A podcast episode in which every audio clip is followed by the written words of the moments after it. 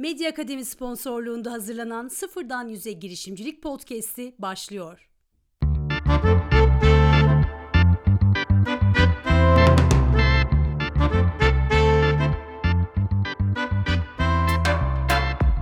Merhabalar ben Okan Yüksel. Medya Akademi sponsorluğunda hazırladığımız Sıfırdan Yüze Girişimcilik Podcast'inin 3. bölümüyle karşınızdayız. Bugün konumuz Krizlere rağmen girişimcilik olacak. Ekonomik kriz ve Covid-19'a rağmen nasıl girişimci olunabileceğini konuşacağız sizlerle. Ancak öncelikle değerlendirme, yorum ve eleştirilere değinmek istiyorum. Geçtiğimiz programlardan bugüne birçok yorum aldık. Bunların büyük bölümüne mutlu olduk. Eleştirileri de ciddi şekilde dikkate aldık. Instagram'dan Selma Hanım harika olmuş. Bölümlerin devamını sabırsızlıkla bekliyorum. Şimdiden keşke biraz daha uzun olsa demeye başladım demiş. Çok teşekkürler Selma Hanım. Mustafa Bey yine Instagram'dan çok profesyonel. Ayrıca girişimciliği tüm çıplaklığıyla anlatmanız da çok güzel olmuş. Samimi yorumunu yapmış. Elif ve Aslı Hanım ayrıca Giray Bey de yine yorumlarıyla bize katkıda bulunmuşlar. Çok çok teşekkür ediyorum her birisine. Sizlerin de yorumlarınızı bekliyoruz. Çünkü yorumlarınız beni ve Medya Akademi ekibini oldukça mutlu ediyor. Bunlar güzel, hoş şeyler ama şimdi dilerseniz biraz hoş olmayan şeylerden, kriz ve problemlerden konuşalım. Çünkü kriz ve problemler hayatımızda sürekli ola gelen şeyler. Biz şirketi 2018'de kurmuştuk ve 2018'den bugüne yani yaklaşık son 3 yılda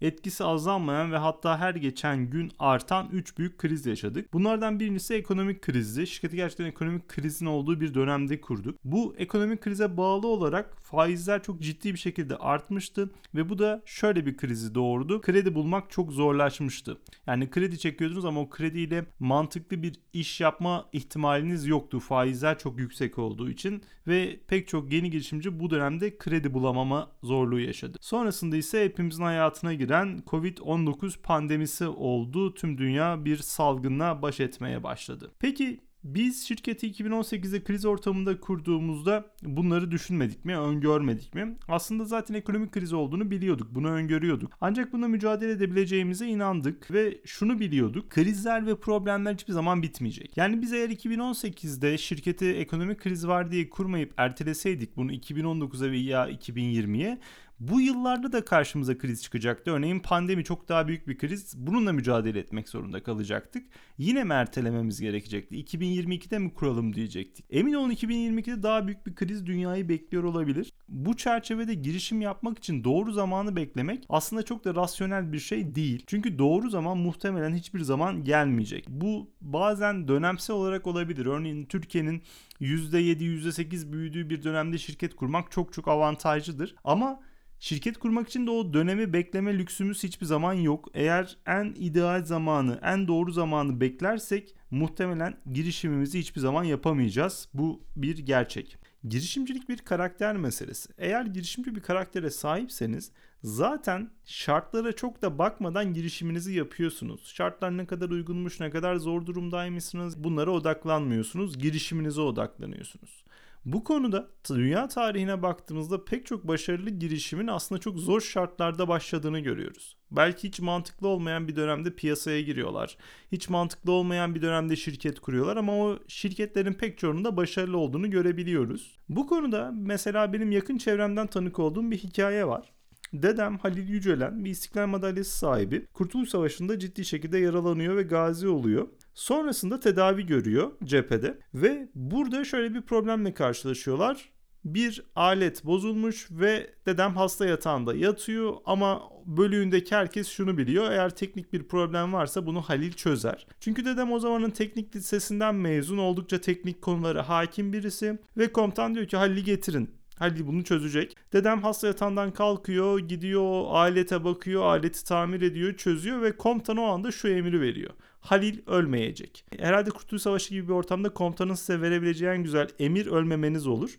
Ve komutan şunu düşünüyor. Benim her türlü teknik konuda destek alabildiğim bir askerim var ve bunu cephede kaybedersem bu konularda alternatif kimse yok. Bu aşamadan sonra dedem zaten yaralı olarak arkalarda kalıyor ve arkadaşları çatışırken dedem de arkada teknik konularda onlara destek sunuyor. Şunları da yapıyor aynı zamanda. Mesela Afyon bölgesinde tütün ekiliyor ve çok sayıda tütün var. Tütün kesme makinesi yapıyor. E, tütünlerin işte işlenmesini sağlayan bir makine geliştiriyor. Sonra askerler çok fazla sigara içiyorlar ve bu askerlere sigara sarma makinesi yapıyor ve bu tüm icatları savaş ortamında Kurtuluş Savaşı'nda cephede yapıyor. Bir yandan işte çatışırken bir yandan arkadaşlarına destek olurken yapıyor. Ve buradan edindiği bilgi ve donanımla memleketi Adana'ya döndüğünde çok ciddi yatırımlar yapabiliyor. Örneğin bir çırçır makinesi geliştiriyor. Çırçır makinesiyle pamukları çok daha hızlı bir şekilde işleyebiliyor. Daha sonra bir atölye kuruyor. Bu atölye zamanla fabrikaya dönüşüyor ve Adana'nın işte belli başlı çırçır fabrikalarından birisini kuruyor. Benim bu öyküden çıkardığım ders şu. Eğer girişimci bir karakteriniz varsa Buna engel olamıyorsunuz. Ortam ne kadar zor olursa olsun, şartlar ne kadar zor olursa olsun siz yine kendinize bir girişim çıkarabiliyorsunuz, kendinize bir iş çıkarabiliyorsunuz ve bu konuda ilerleyebiliyorsunuz. Herkes şartların uygun olmasını beklemeden bir şeyler yapabilmesi gerektiğini fark etmeli. Bu konuda şu çok yanlış bir şey çok doğru zamanı beklemek, çok doğru günü beklemek, çok doğru ortamı beklemek bizi geç bırakacak şeyler. Rakiplerimiz belki çok zor zamanlarda başlayacaklar bu işe ama bizden çok daha önde olmuş olacaklar. İlk bölümlerde bahsettiğim bir kavram vardı. Hani çalışırken bu devlet kurumu da olabilir, özel şirket de olabilir. Edinebileceğiniz kadar bilgi ve donanım edinin. Burada bu bilgiler ve donanım bizi bir yerlere getiriyor. Ve bunu eğer sermaye ile bir şekilde birleştirebiliyorsak da çok ciddi bir girişimi her türlü şart ve ortamda kurabiliyoruz. Bunu mutlaka dikkate almanızı öneririm. Bir de şu var biz problemlerle, sorunlarla her zaman karşılaşacağız. Burada önemli olan nokta bu problemlerle, krizlerle nasıl mücadele edeceğim. Bu krizlere karşı, problemlere karşı metotlara ihtiyacımız var. Bu metotlar da bizim hani eğitim hayatında karşılaştığımız formüller gibi değil. Yani neydi biz işte havuz problemleri çözüyorduk, işçi problemleri çözüyorduk ve elimize bir formül veriyorlardı. O formüle sayıları koyduğumuz zaman çözümü bulabiliyorduk. Ama gerçek hayatta karşılaştığımız problemler ya da krizler formülü olan şeyler değil. Burada sizi başarılı kılacak şey o formülü icat etmeniz, o formülü bulmanız. Asıl önemli olan krizlere ve problemlere karşı kendi formüllerinizi geliştirebiliyor olmanız, bunu yapabiliyor olmanız. Peki benim formülüm ne? Ben kendim nasıl bir metot geliştirdim? Şimdi benim iki aşamalı bir problem çözme metodolojim var. Bunlar iki maddeden oluşuyor. Birinci madde problemi ve krizi henüz büyümeden gör ve engelle. Yani burada problem ve kriz henüz oluşmadan bunları çözmeye yönelik hareket ederseniz aslında bu kriz yönetimidir. Çok daha fazla başarı kazanma şansınız var. Ama bu her zaman da mümkün değil ve bu çerçevede ikinci maddem de şu. Birinci madde mümkün değilse yani problem ve krizi engelleyemediysen ve bu kriz bu problem patladıysa bir anda elinde kriz odaklı değil çözüm odaklı ol. Farklı düşün, alternatifleri masanda gör ve doğru olanı seç. Bu şu demek. Eğer bir kriz ya da bir problemle karşılaştığınızda siz problemde krize odaklanırsanız çoğu zaman çözüm gözünüzün önüne gelmeyecek. Burada yapmamız gereken şey farklı boyutlarda düşünmek, farklı şekilde düşünmek ve o problemin, o krizin nasıl çözülebileceğine dair alternatifleri oluşturabilmek. Örneğin bir krize karşılaştınız. Bunu çözmek için en azından elinizde 3 tane yol olması lazım. Örneğin bir krizle karşılaştığınızda bunun çözümüne dair 3 alternatif geliştirebiliyor olmanız lazım ve sonrasında bu alternatifler arasından en iyisini seçmeniz gerekiyor. Çok sevdiğim bir söz var. İyi bir fikir bulmanın yolu aralarında seçim yapabileceğiniz birçok iyi fikrin olmasıdır diyor. Yani alternatifleriniz ne kadar iyiyse bu alternatifleri ne kadar iyi geliştirebiliyorsanız o kadar başarılı oluyorsunuz. Ben Amerikan filmleri de izlemeyi seven birisiyim. Yani burada Amerikan başkanının olduğu hemen hemen her dizide bir kriz ya da problem söz konusu ve Amerikan başkanının şöyle bir repliği var. Olası alternatiflerin hepsini masamda görmek istiyorum diyor. Yani Amerikan başkanı da aslında bir problemle karşılaştığı zaman öncelikle probleme değil bu problemi nasıl çözebileceğine dair alternatif yol haritalarını görmek istiyor.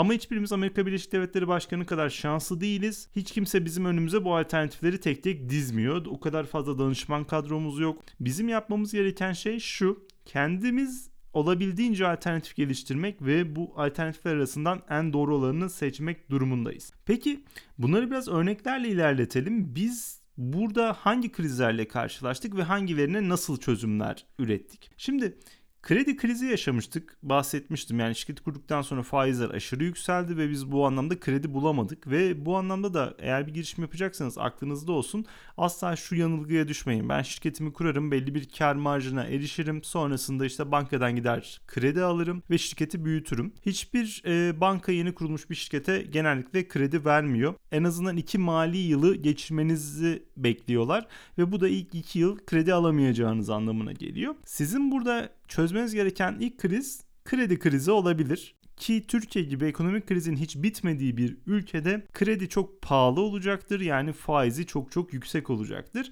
Biz bu problemle karşılaştığımızda ne yapabiliriz diye düşündük ve önümüzde iki tane alternatif oluştu. Bunlardan birisi çevremizden borç istemekti. Yani kendi çevremizden, arkadaşlarımızdan borç isteyebilirdik. Bunu kısmen yaptık. En azından kendi ailemizden çok kısmi şekilde borçlanabildik. Ayrıca şöyle bir alternatif geliştirdim. Gittim arabamı sattım ve arabamı sattığımda elde ettiğim paranın bir bölümünü peşinat yapıp krediyle yeni bir araba aldım. Bu işlem sonrasında elimde ciddi bir para kaldı ve ben bu parayı şirkete sermaye olarak aktardım. Bu şekilde hem kredi alamıyorken şirkete kendim kişisel olarak bir kredi almış oldum. Şirketin alabileceği faiz oranlarından çok daha uygun bir faiz oranıyla kredi alabilmiş oldum. Yani burada aklınıza bu alternatif gelmese şey diyebilirsiniz. Hani ben borçlanamıyorum, kredi alamıyorum. Eyvah ne olacak? Şirketi büyütemeyeceğim mi diyebilirsiniz ama böyle demeyin. Mutlaka bir çözüm planı geliştirin. Çünkü çözüm planları sizin yaratıcılığınıza kalmış bir şey. Siz ne kadar mantıklı, ne kadar alternatif yollar geliştirirseniz o kadar başarılı olabiliyorsunuz. Krizin yarattığı fırsatlara da odaklanmak gerekiyor. Mesela Covid-19 çok ciddi bir krizdi. Yani biz yüz yüze eğitim ve danışmanlık veren bir firmaydık ve bir anda Türkiye'de Covid-19 ile birlikte yüz yüze eğitimler sona erdi, danışmanlıklar tamamen dijitale kaydı ve biz burada yine krize gördük ve buna göre bir alternatif geliştirdik. Dedik ki ne yapabiliriz? Bir, dijital eğitimlere dönebiliriz. 2. Eğitimlerimizi daha steril ortamlarda yapabiliriz. Bu ve benzeri birçok alternatif yol geliştirdik ve bunlar arasında bizim için en mantıklı olan şu oldu. Biz tamamen dijital bir şirket olalım. Eğitimlerimizi, danışmanlığımızı tamamen dijital üzerinden verelim dedik. Ve bugün baktığım zaman hani pandeminin Türkiye'de görüldüğü ilk günden bu yana bizim karlılığımız çok daha arttı. Masraflarımız çok daha azaldı. Her kriz kendi içinde gerçekten fırsatlarını da yaratıyor. Bu fırsatları kullanmanız çok çok önemli. Fırsatlar konusunda bir diğer örnekte şu oldu. Mesela faizlerin yüksek olması belki bizi kredi bulmakta ilk aşamada zorluklarla karşılaştırdı. Ama şöyle de bir avantajı oldu. Faizlerin yüksek olduğu bir ülkede pek çok kişi parasını gidip bankaya yatırıp bunun faizini almaya karar veriyor. Yani gidip bir girişim yapmıyor. Bu ortamda bizim rakiplerimizin sayısı ciddi olarak azalmış oldu. Benden daha güçlü maddi yapıya sahip rakiplerim çok azdı. Çünkü zaten benden daha fazla sermayesi olan kişiler iş yapmak yerine bunu bankaya yatırmayı düşündüler ve bu da rakiplerimle benim aramda bir sermaye gücü bakımından bir olumsuzluk oluşmasını engellemiş oldu. Ayrıca şunu da çok net söyleyebilirim. Pandemiyle birlikte ofis ve ulaşım masraflarımızı neredeyse sıfırladık. Yani o anlamda ciddi bir masraf kalemi düşmüş oldu. Ayrıca tüm ekibin Yeni bir Mac bilgisayarı oldu. Herkesin iyi bir cep telefonu oldu ve sadece bunun ikisiyle biz iş yapabildiğimizi gördük. Yani bizim aslında yatırımımızı teknolojiye yapmamız gerektiğini gördük. Peki her krizin, her problemin çözümü var mı? Burada şunu net olarak söyleyebilirim. Muhtemelen her problemin, her krizin bir şekilde çözüm yolu var. Ancak bazen biz bunları göremeyebiliriz ve bu durumlarda da asla bıkkınlığa gerek yok. Bu konuda biz hiçbir şey yapamıyor olsak dahi yolda yürümeye devam etmeliyiz. Yani krizin çözümünü bulamadığınızda da çalışmaya devam etmelisiniz. En azından o gün için mümkün bir yol göremiyorsanız dahi ayakta kalmak için, yola daha sonra devam edebilmek için bazı bedeller ödemeyi de göze almalısınız. Gerekiyorsa evinizi satmalısınız, gerekiyorsa arabanızı satmalısınız. Bunları gelecek için yatırım olarak görmelisiniz. Yani bunlardan da bedel ödemekten de çekinmemelisiniz. Eğer işinizin geleceğine inanıyorsanız, çalışkanlığınıza inanıyorsanız bunların hepsi verilebilecek bedeller. Hani örnek olarak anlatmıştım ben arabamı satmak durumunda kaldım. Ama bugün çok daha iyi bir arabaya biniyorum. Yani bunu öngörebildim, bu riske girdim ve bunun sonucunda kazanabildim. Ki pek çoğumuz da çalışarak bu kazancı çok rahat bir şekilde elde edebilir. Değinmek istediğim son konu genel krizlerin dışında peki özel krizler yaşarsak? Yani Allah korusun Allah gecinden versin hayatımızı kaybedebiliriz. Ciddi sağlık problemleri yaşayabiliriz. Ailevi problemler yaşayabiliriz. Peki bu durumlarda ne yapmak gerekiyor? Bugün biraz böyle aileden örnekler gibi bir program oldu ama anlamlı olduğunu düşünüyorum. Hakkı Yüksel, Hakkı amca Türkiye'nin ilk bilgisayar ithalatçılarından birisiydi. Türkiye'ye bilgisayarı getiren isimlerden birisiydi. 90'lı yılların başında çok ciddi şekilde büyüyen bir şirket kurdu ve Türkiye'nin ilk internet servis sağlayıcılarından birisi oldu. Bu anlamda ilk 3 şirketten birisidir Mayanet örneğin. Ve ilerleyen süreçte şirket çok hızlı büyüdü, büyüdü. Çok Türkiye ligine girdi. Uluslararası projelerde yer almaya başladı. Ama bir anda her şey bitti. Ne yazık ki Hakkı amcamın bir beyin kanamasında kaybettik. Bu öykü yani bizim ailede de bir travmaya sebep oldu ve benim için de mesela şunu gösterdi organizasyonunuz ne kadar büyürse büyüsün şunu da mutlaka düşünmeniz gerekiyor. Sizden sonra bu işletme yoluna devam edebilmeli.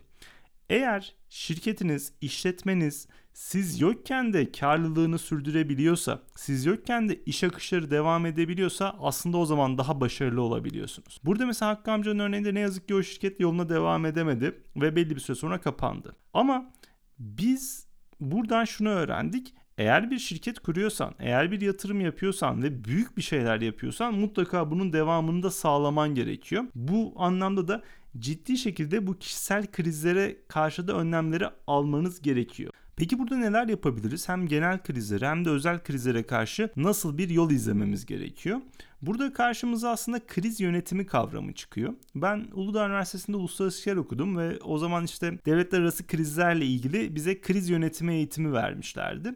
Ve ben o güne kadar kriz yönetimini hep şey sanardım. Büyük bir kriz patlayacak ve sen kahraman olarak bu krizi çözeceksin, çözüm yolları bulacaksın. İşte bu da kriz yönetimidir sanıyordum. Ama öyle değil. Kriz yönetimi o krizlerin çoğu zaman oluşmasını engellemek anlamında kullanılan bir kavram siz hayatınızda olabilecek krizleri ya da kurumunuzda, devletinizde olabilecek krizleri öngörebilmeli ve bunlara yönelik engelleyici adımlar atmalısınız. Yani krizin problemin ortaya çıkmasını engellemelisiniz.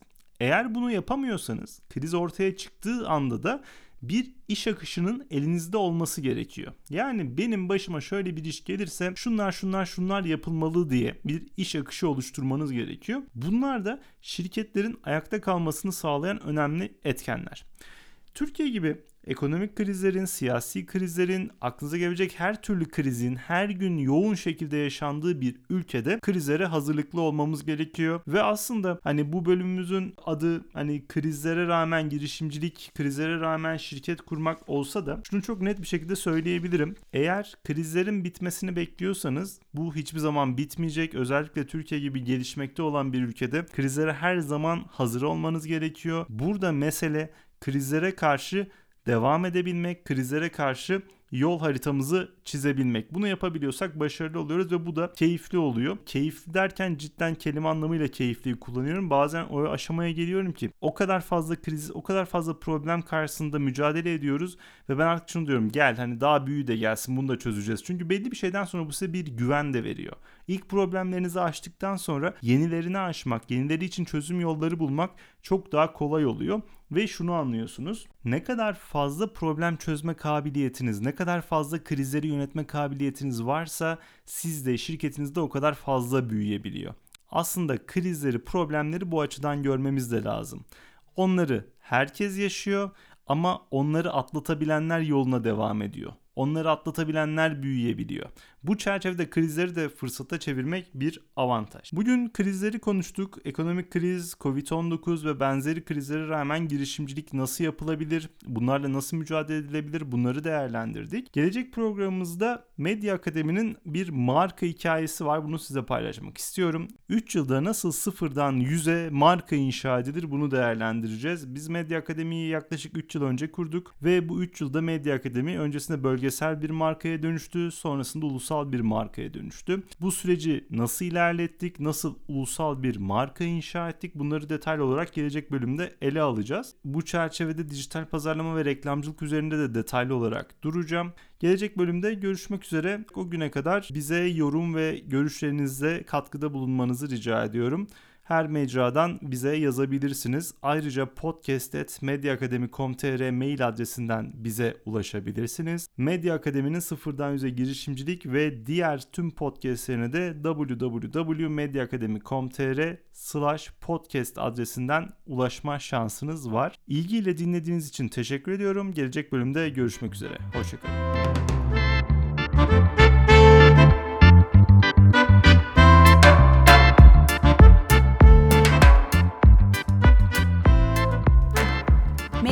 Akademi sponsorluğunda hazırlanan Sıfırdan Yüze Girişimcilik Podcast'i sona erdi. Yeni bir bölümde görüşmek üzere.